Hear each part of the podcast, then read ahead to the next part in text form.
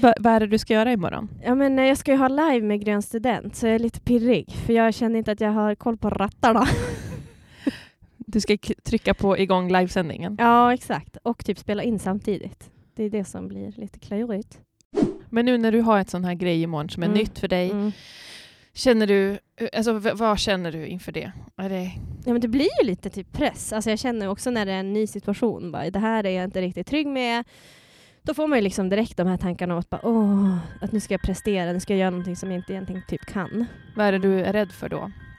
Eh, ja, det är väl lite den här känslan av att man står där med rumpan bara, att man, om man inte kan det, då... Skammen? Ja, men skammen typ. Då är, då är det kört. Jag tror också att det handlar om att jag vet att de här människorna som kommer in då är väldigt kunniga i sitt område och jag kanske inte har läst på alla senaste nyheter om Gallup, eh, så här, rörelsen och Så de är kunniga De är inom kun- miljö? ja, och de är mer kunniga än mig, absolut, inom det här som vi ska prata om. Så du har två, liksom, det, det finns två risker med det här Mm. du ska göra imorgon. Du Ja. kanske fuckar upp tekniken och du fuckar upp frågorna. Ja, exakt. Så, och så att det hänger på mig. Det finns ju ingen annan ansvarig här Mm. än jag. Men vad händer då om inte tekniken funkar? Vad gör du då?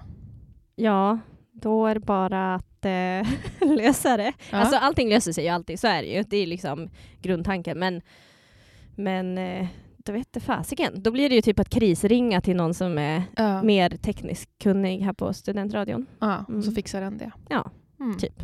Så det, Allt löser sig. allt löser sig. Men man kanske står med rumpan bar en liten stund. Ja, precis.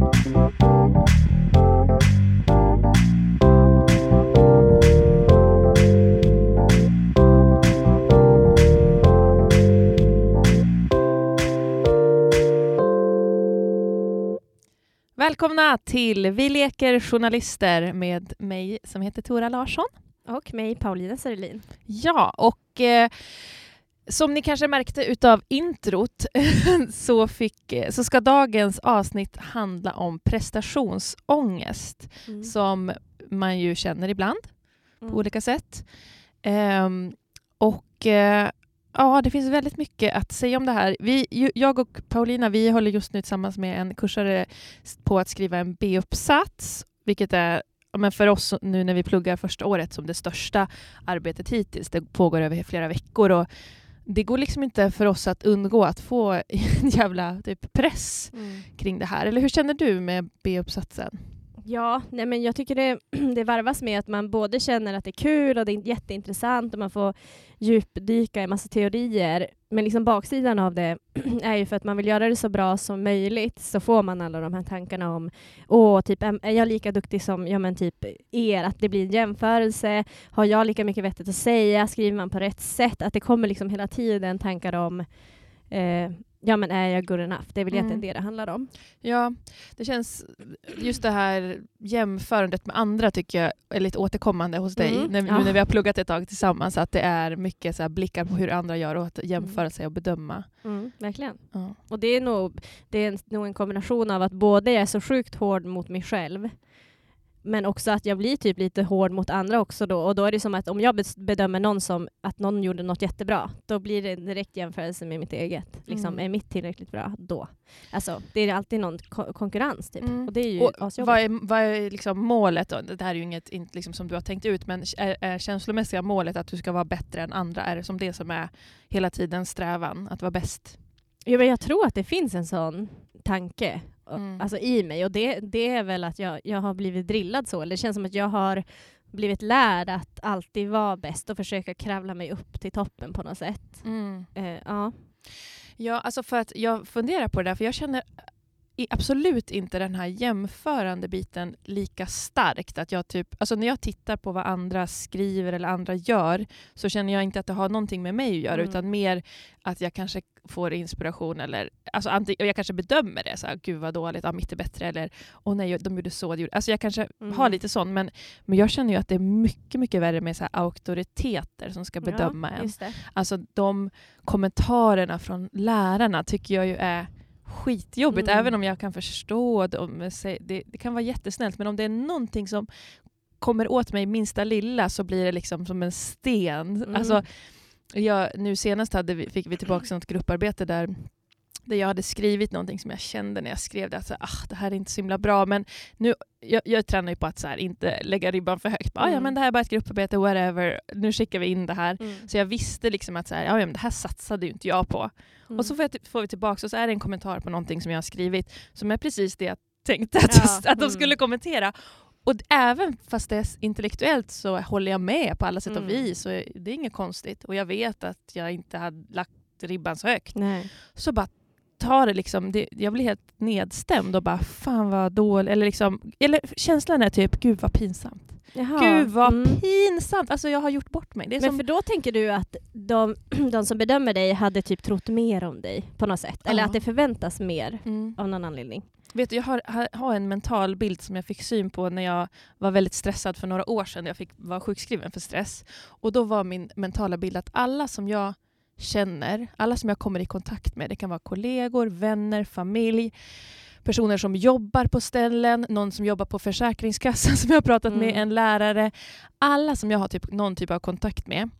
Känslan är att de har, ett, haft, de har regelbundna stora möten där de pratar Mm. om mig. Mm.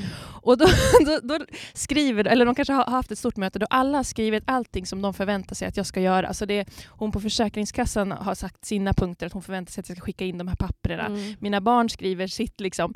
Alla samlar det här och så har de en lång lista som de klubbar igenom. Ja, men det här ska hon göra. Och nu Mm. är det vårt gemensamma ansvar att få henne att göra allt det här. Så att jag känner att det är som en kraft, en, en, Mm. en kraft från alla håll. Så det Mm. spelar som ingen roll vem det är. För mig kom, blir det alltid kommer det alltid liksom till någon slags gemensam kravlista. Mm. Så det, det, ja, det är Ja, ganska men det sjukt. där känner jag är igen. Det där, absolut. Och att man tänker att alla vill ha ut något av en, eller alltså att man måste göra någonting. Och att, typ all, att man värderar allting likadant. Typ om, Mm. om en lärare skriver bara eh, här behövdes en källa eller typ det här var lite onödigt skrivet, typ ta bort det. Mm. Då, då, för mig kan det bli typ lika tungt som om eh, min sambo säger vi har aldrig tid för varandra, vi måste Mm. spendera tid, typ något som är på riktigt, så, ja, men det här är vä- värt att liksom ta in Ja. och, och göra någonting åt.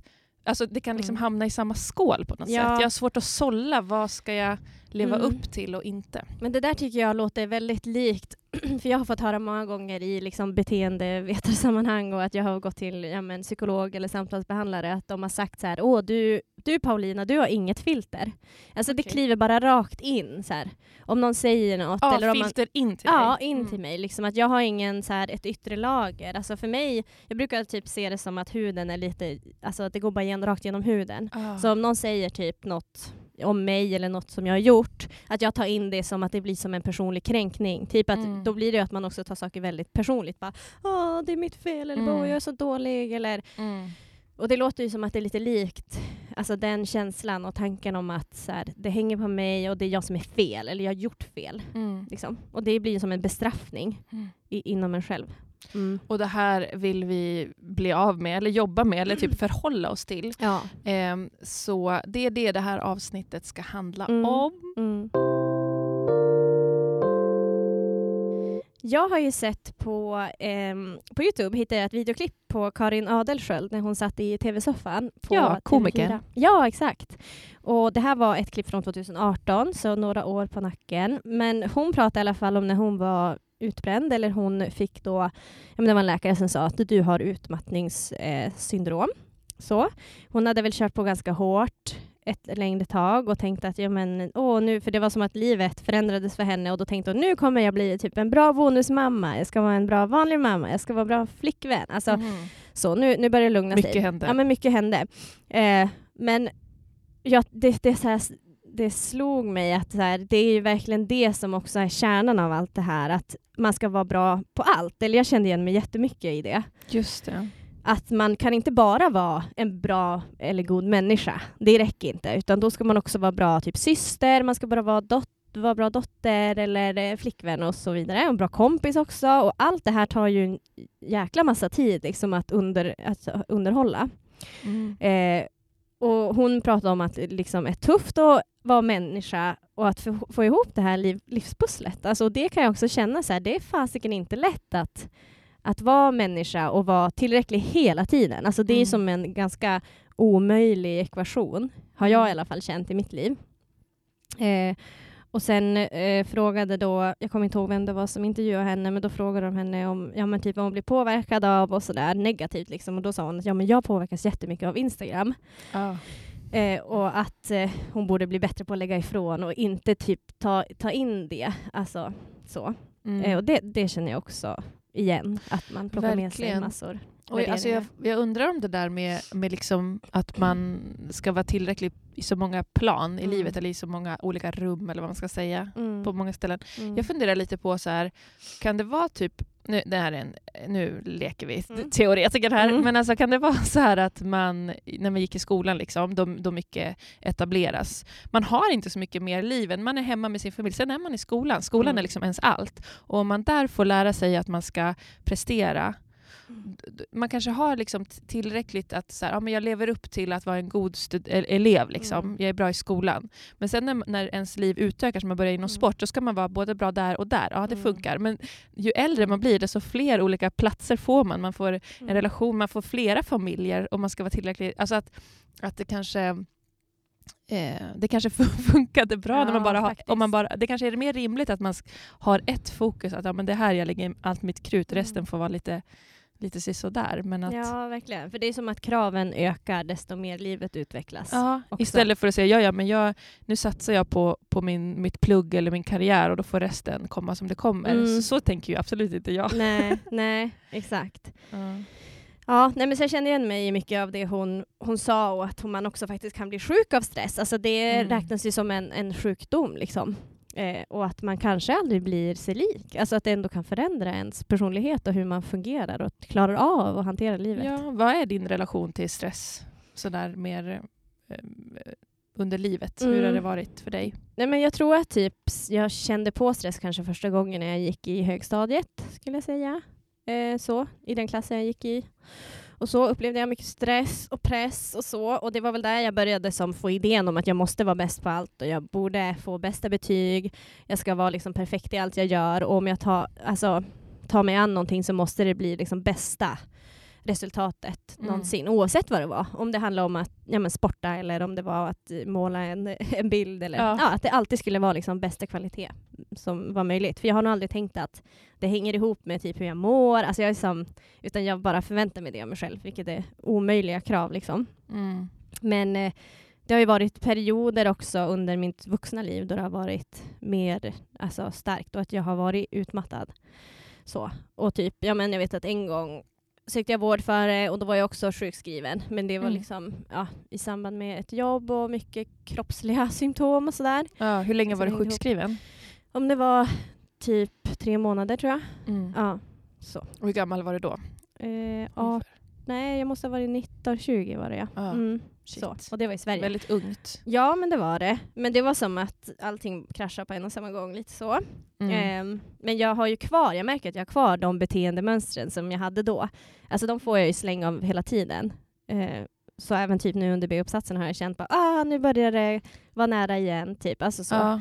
att man, in, man har inte, eller man känner så fort den där lilla gränsen börjar närmas, så känner man det liksom. ja, det är inte som att om man eh, liksom arbetar sig igenom det som en Nej. influensa eller något fysiskt så är det Mm. borta sen. Utan Nej. tröskeln är där, Ja, där nere liksom, och verkligen. den ligger kvar. Det är som att man inte kan bli riktigt helt läkt. Alltså så. Mm. Men fick, tyckte du då när du var sjukskriven som så ung att du fick bra liksom, verktyg och hjälp för att hantera livet?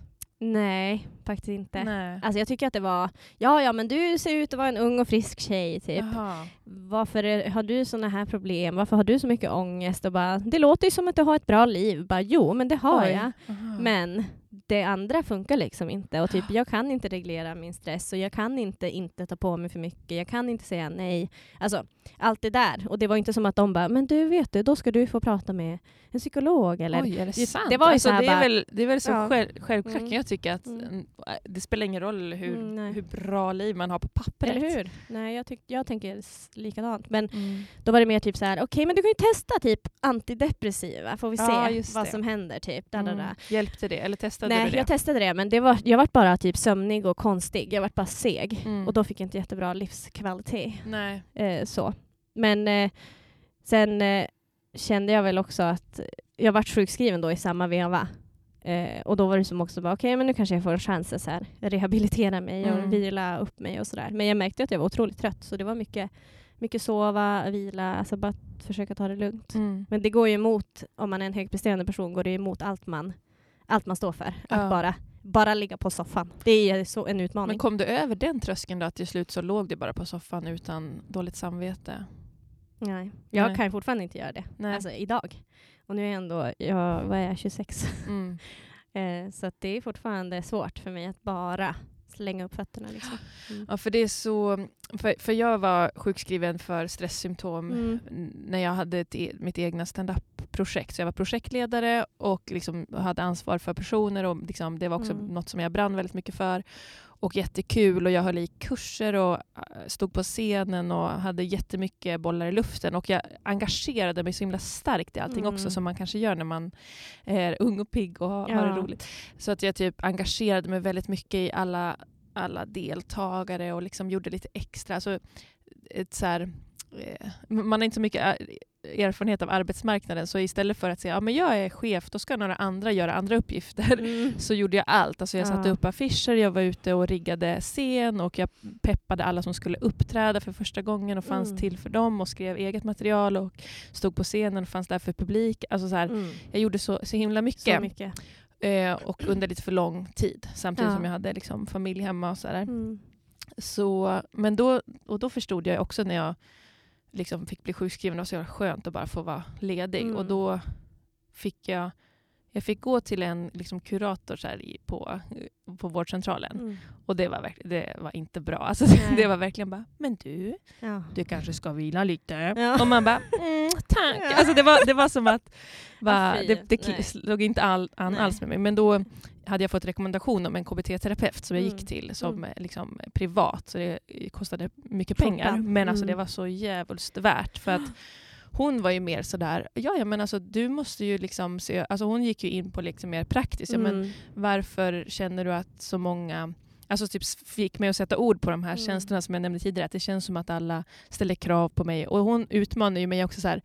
Min, alltså för det är typ min största läxa som jag måste lära, liksom öva på. Mm. Att testa göra liksom lite dåligt och se vad som händer. Mm. Alltså min, jag fick typ i utmaning att, så här, när vi, att bjuda hem typ min familj, mina föräldrar hem till mig utan att städa Ja. och bara sitta där. Och, eller typ vi hade något kalas, att jag skulle bara gå och sätta mig i soffan, inte koka kaffe, inte ställa fram någonting, Mm. in, utan bara gå och sätta mig i en soffa Mm. Och sitta där och så se vad som händer. Mm. Och allting sköt, och det gjorde jag också. Ja. Och märkte att så här, shit, saker händer ändå. Och det funkar ju. Ja, Mm. och så att hon gav ju mycket mer så här konkreta Mm. tips och det är ju det det handlar om på något ja, sätt. det är Att, den hjälpen man vill ha. När man är så där djupt nere och under ytan och lost så vill man ju ha någon som bara säger så här, men så här gör du. mm. Nu behöver vi liksom förändra det här. Och att det handlar om beteende och liksom vilka val man gör och att man inte kan släppa kontroll eller vad det nu handlar om. Mm. Att det är det man måste träna sig inom. Mm. För det, det där är intressant tycker jag när du säger att ja, men jag vill eh, göra det och jag var där och jag liksom ordnar upp allt det här med stand-up-projektet och allting. Alltså, något som jag har märkt när man söker info om det här och när man läser om andra som har haft liknande erfarenheter är ju att eh, de som hamnar i det här oftast är väldigt högpresterande och duktiga människor. Mm. Alltså att det finns ju typ som en liten, liten mall för hur man är som människa för att hamna i det här. Mm. Och då tänker jag att det handlar om att man vill så sjukt mycket på en och samma gång. Om man är så driven och man vill liksom visa att jag klarar det här men Mm. att det då slutar i att man inte kan ta hand om sig själv. Mm. Ja. Precis, och det är, det är svårt att få syn på för ofta så finns det liksom ett moln av typ pepp och Mm. inspiration och självförtroende och beröm och gud vad du är duktig på det här och du är så bra. Man känner sig liksom mäktig på något sätt när man gör något man är bra på eller tycker är roligt. Och, Mm. eh, alltså, så jag tänker att, eller för mig har det i alla fall varit så att saker som jag tycker är kul och som jag är bra på att få beröm för eh, sluta vara vara liksom en Mm. härlig plats utan det blir Ja. liksom mm, för mycket på något sätt. Mm. Och det där handlar ju väldigt mycket om gränssättning som Mm. är typ det svåraste man kan Ja. hålla på med om man inte har det liksom med sig från Naturligt. unga ålder. Ja, verkligen. För det där, det kan jag tänka mig att hade man fått lära sig det när man var liten, att så här, min kropp är min kropp och jag får säga nej och typ det är utifrån min känsla om jag vill vara med och göra det här eller inte. Ja. Då kanske man hade haft lite lättare idag att kunna sätta gränser. Precis. Så. Jag kommer Mm. ihåg en grej som den här terapeuten sa till mig och det var att bara för att någon blir ledsen eller besviken på dig betyder det inte att du har gjort fel. Nej, exakt. Alltså jag bara gick hem bra. och bara, vad fan menar hon? Ja. Alltså jag, det, eller jag förstår ju typ, men det går inte riktigt in. Jag bara, men Ja. är inte definitionen av att göra fel att någon annan reagerar negativt? Hon Mm. bara, nej, nej, nej. Mm. Du kan fortfarande ha gjort rätt utifrån dig och de kan reagera. Så typ Ja. sådana där grejer tycker jag är... Det är jättehjälpsamt. känner Alltså, du man att, att veta. är, är du så? Eller känner du att du kan, folk kan bli arga och besvikna på dig och att du fortfarande har gjort rätt? Nej, jag är nog mer som du. Att jag bara, Okej. vadå, hur gör man? Alltså hur har man inte åt sig om, som att man har gjort något fel när man Mm. ser att en människa får en negativ reaktion? Alltså Mm. det tar man ju in Mm. med sig i hela den situationen och tänker att åh, det var ju för att jag gjorde något dumt. Det var för att Mm. jag gjorde något fel. Mm. Jag tänkte fråga dig också, Mm. vad är, vad är, hur, hur ser du på att misslyckas? Mm. Vad är din relation till misslyckanden? Ja men eh, jag försöker hålla mig undan från det. Det är Ja. typ så jag tänker. Alltså, Undvikande. ja, undvika, försöka att inte hamna där. För det känns som Hur att, gör, vad har du för strategier då? för att inte hamna där. Ja. Ja, alltid göra mitt bästa. Ja. Det är grund, Ja. grunden. Eh, och sen kanske, jag tror faktiskt att en del i det här är att då inte, om jag skulle hamna där, att inte erkänna det. Och Ja. det är så dumt. Mm. För jag vet också om att det är så här, om vi misslyckas, ja men då lär vi oss ju någonting. Det är Mm. då vi utvecklas. Vågar vi liksom komma till den punkten, eh, det är då vi faktiskt lär oss något. Så att, ja, jag håller mig, försöker hålla mig, jobba liksom aktivt för att inte hamna Ja. i det. Jag med, jag utsätter mig inte för saker där Nej. jag tror det kan gå dåligt. Och Mm. precis som du säger, alltså jag har fått lära mig att tänka positivt, Mm. vilket är en bra grej kanske Mm. ibland. Mm. Men då kan det också bli att man inte vågar erkänna sitt misslyckande. Nej. Att det är så här, "Ah, ja men det där blev eh, på det där sättet, men Ja. och så omvärderar man kanske, ja men det var ju faktiskt bra för annars hade ju inte det här. Alltså man, Mm. man, Mm. i- man tror att man kanske typ tar tar till sig misslyckandet och Mm. försöker se vad det kan ge. Men i själva verket så skriver man om det till ett Ja. icke-misslyckande. Verkligen. Och på så sätt så misslyckas man aldrig. Nej. Och då behöver man Mm. aldrig mer må dåligt. Nej. Nej, men det är lite så. att Det är Ja. som att det är formeln. Det är typ ja. som när man kör stand-up och så, så här går det lite dåligt. Det är väldigt svårt att bara shit, ja jag misslyckades. Utan det är mycket Mm. bättre, ah, det var dåliga förutsättningar. De hade inte Ja. blivit uppvärmda, det var ju jättedåligt ljud, det var Ja. ju helt, det var inte Dålig min publik. publik. Ja, Mm. liksom så här, eller typ, jag hade faktiskt inte tid innan att förbereda. Ja. Eller man, man Mm. hittar orsaker för att inte erkänna sitt misslyckande. Mm. För det finns ju faktiskt de som hävdar att, att eh, misslyckanden är typ det bästa man kan göra. Mm. Och då tänker jag på innovationsbranschen. Mhm. Alltså uppfinnare och Ja, liksom menar så. Mm, tekniska, mm. de som så här ska ja, skapa nya idéer, alltså typ tänk Silicon Mm, Valley och mm. liksom uppfinningsvärlden, Mm. mycket så tekniska. För att i den, den branschen där man är entreprenör och liksom så, så ja, det finns typ en trend har jag märkt där man har så här typ fuck up nights, finns det något som heter, eller man har liksom kvällar där folk berättar om sina största misslyckanden. Mm. Bara, "Ja, jag startade det här företaget, Mm. och trodde det här, det här var min idé, men sen gick det åt skogen, förlorade Mm. så här mycket pengar och så applåderar alla. Liksom. Bara, Mm. Gud vad bra, det här kan vi lära oss någonting av. Mm. Och det där tycker jag är lite intressant för att eh, fram, framförallt i, liksom, eh, i USA tror jag, eller har jag hört att det är väldigt stort att man så här har du inte misslyckats, då har du inte försökt tillräckligt Nej, många exakt. gånger. Liksom. Och då kanske du inte heller kan lyckas om du inte har Nej. misslyckats först. Precis. Mm. Och att man Mm. liksom, det finns en kultur där man liksom försöker uppvärdera det. Mm. Mm. Och jag, jag lyssnade faktiskt på ett, ehm, eh, en podd på UR Play som heter Piskan som handlar om, om just prestationsångest. Mm. Och då tog de upp en, ett väldigt spännande museum som fanns, nu, jag tror det turnerar runt i världen, men det fanns i Helsingborg under, under en tid. Och det heter Museum of Failure. Mhm. Och det är en svensk typ, psykolog som heter Samuel West som Okej. har startat det just för att för att typ ställa ut på ett museum alla typer av misslyckanden Nej, som har kul. skett. Så Ja. att på det här museet så, så, ställer, så är det en utställning där man kan se liksom uppfinningar som gick dåligt. Det är Mm. typ så här, en ansiktsmask som ger dig elstötar Ja. som bara inte blev en succé. Nej. Det var livsfarligt. Ja. Eh, och det finns typ så här hamburgare med vuxensmak, ingen Ja. ville köpa det. Nej. Någon juicepress som skulle typ göra jättelyxiga juicer men ingen ville ha det för varje juice kostade typ 100 dollar. Alltså det var så här väldigt, eh, väldigt befriande att gå Mm. runt och se Mm. alla de här misslyckade liksom, eh, uppfinningarna. Mm. Och det där blev liksom en succé. Mm. Men det som är väldigt intressant som han berättade om är att även museet blev en fail.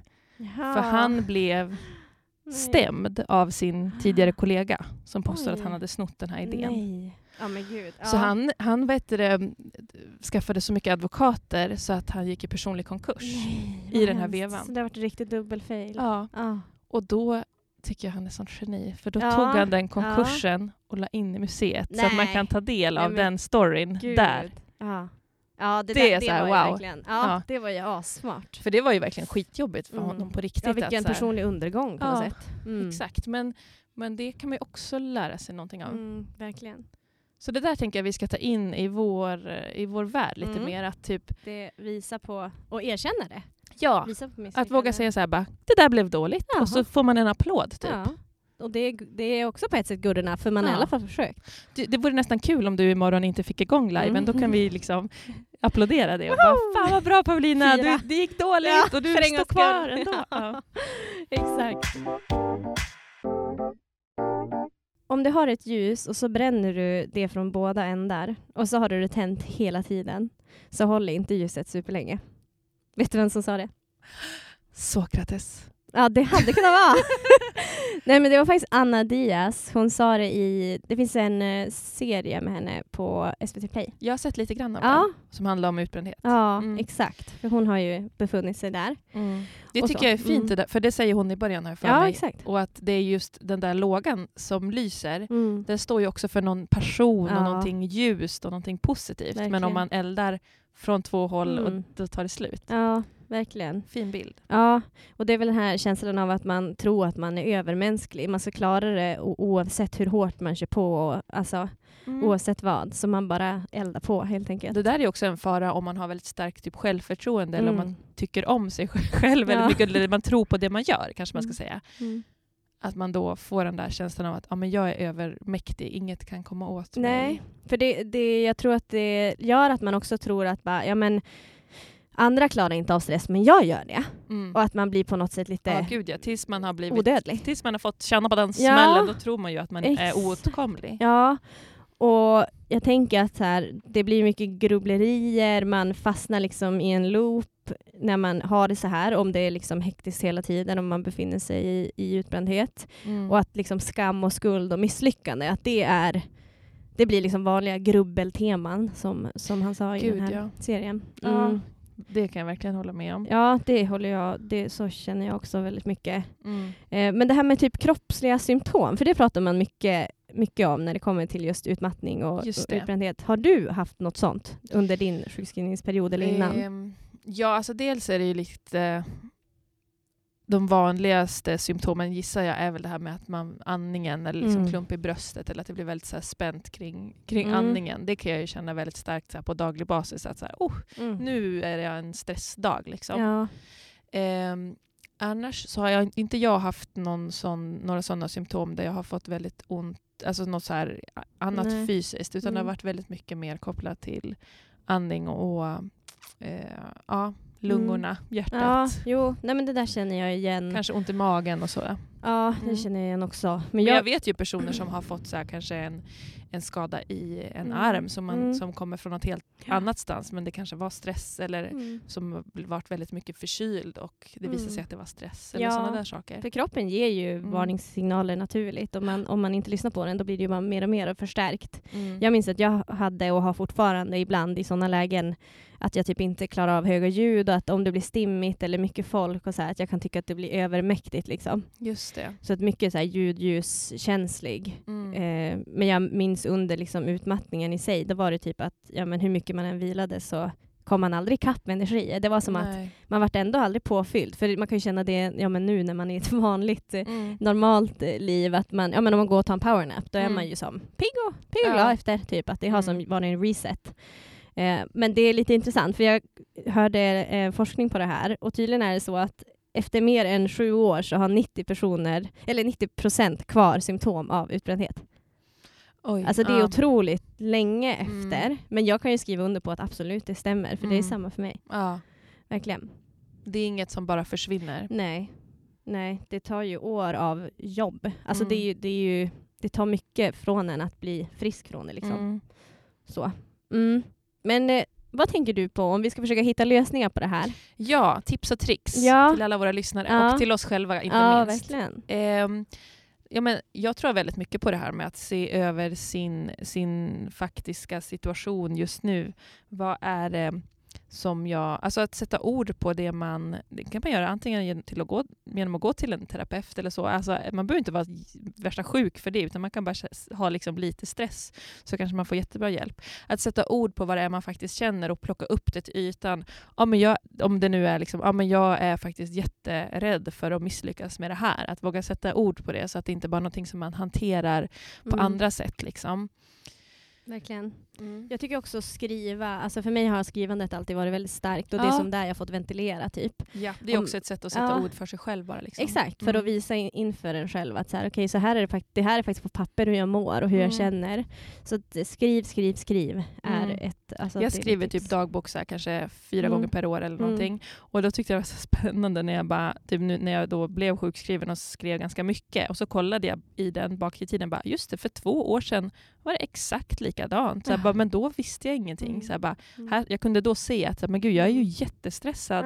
Och det är exakt de, men då såg jag det mer som vardagsproblem som man löser genom att deala med så kortsiktiga lösningar hela Mm. tiden. Ja, nej men det är ju häftigt med, med skriften så att man kan få en överblick alltså över en längre tid. Mm. Eh, jag vet ju att både du och jag, vi gör ju yoga. Det Ja. är ju också, Det började jag, jag med då när jag var ja. sjukskriven faktiskt. Ja men just det. Ja, för jag tycker det är så här, det står som för stillhet för mig. Att Ja. man får varva ner.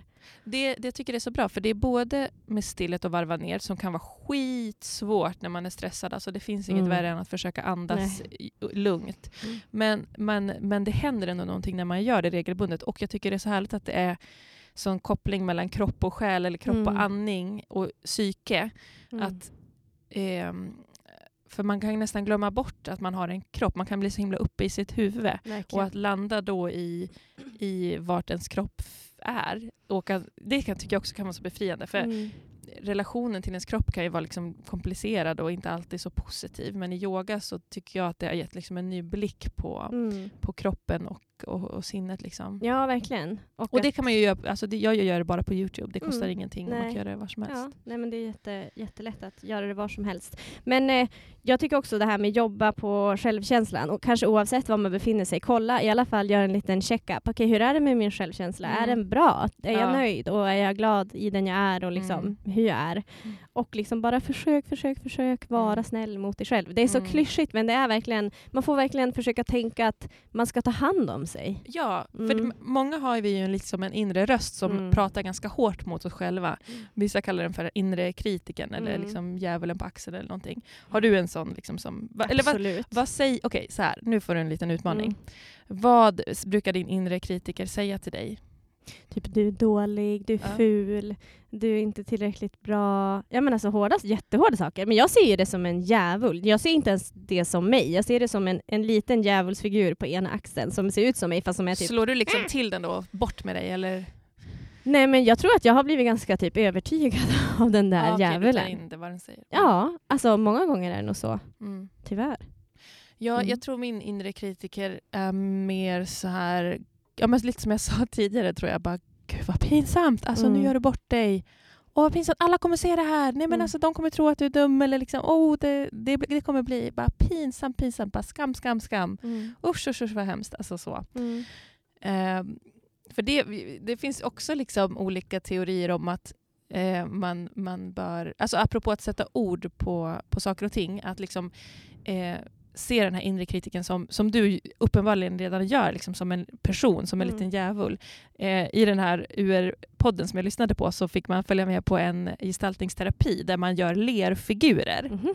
Ska inte vi göra det någon gång? Jo. Vi gör lerfigurer som ska se, representera vår inre kritiker. Då får man ju Oj. liksom forma Ja. hur den ser ut. Mm. Och då kan man också hantera den, att den säger massa saker. Mm. Och tanken är väl inte att man ska liksom radera den här, utan Nej. att den ska få finnas så att man får ha något förhållande till den. Mm. Och kanske inte låta den ta allt för stor plats.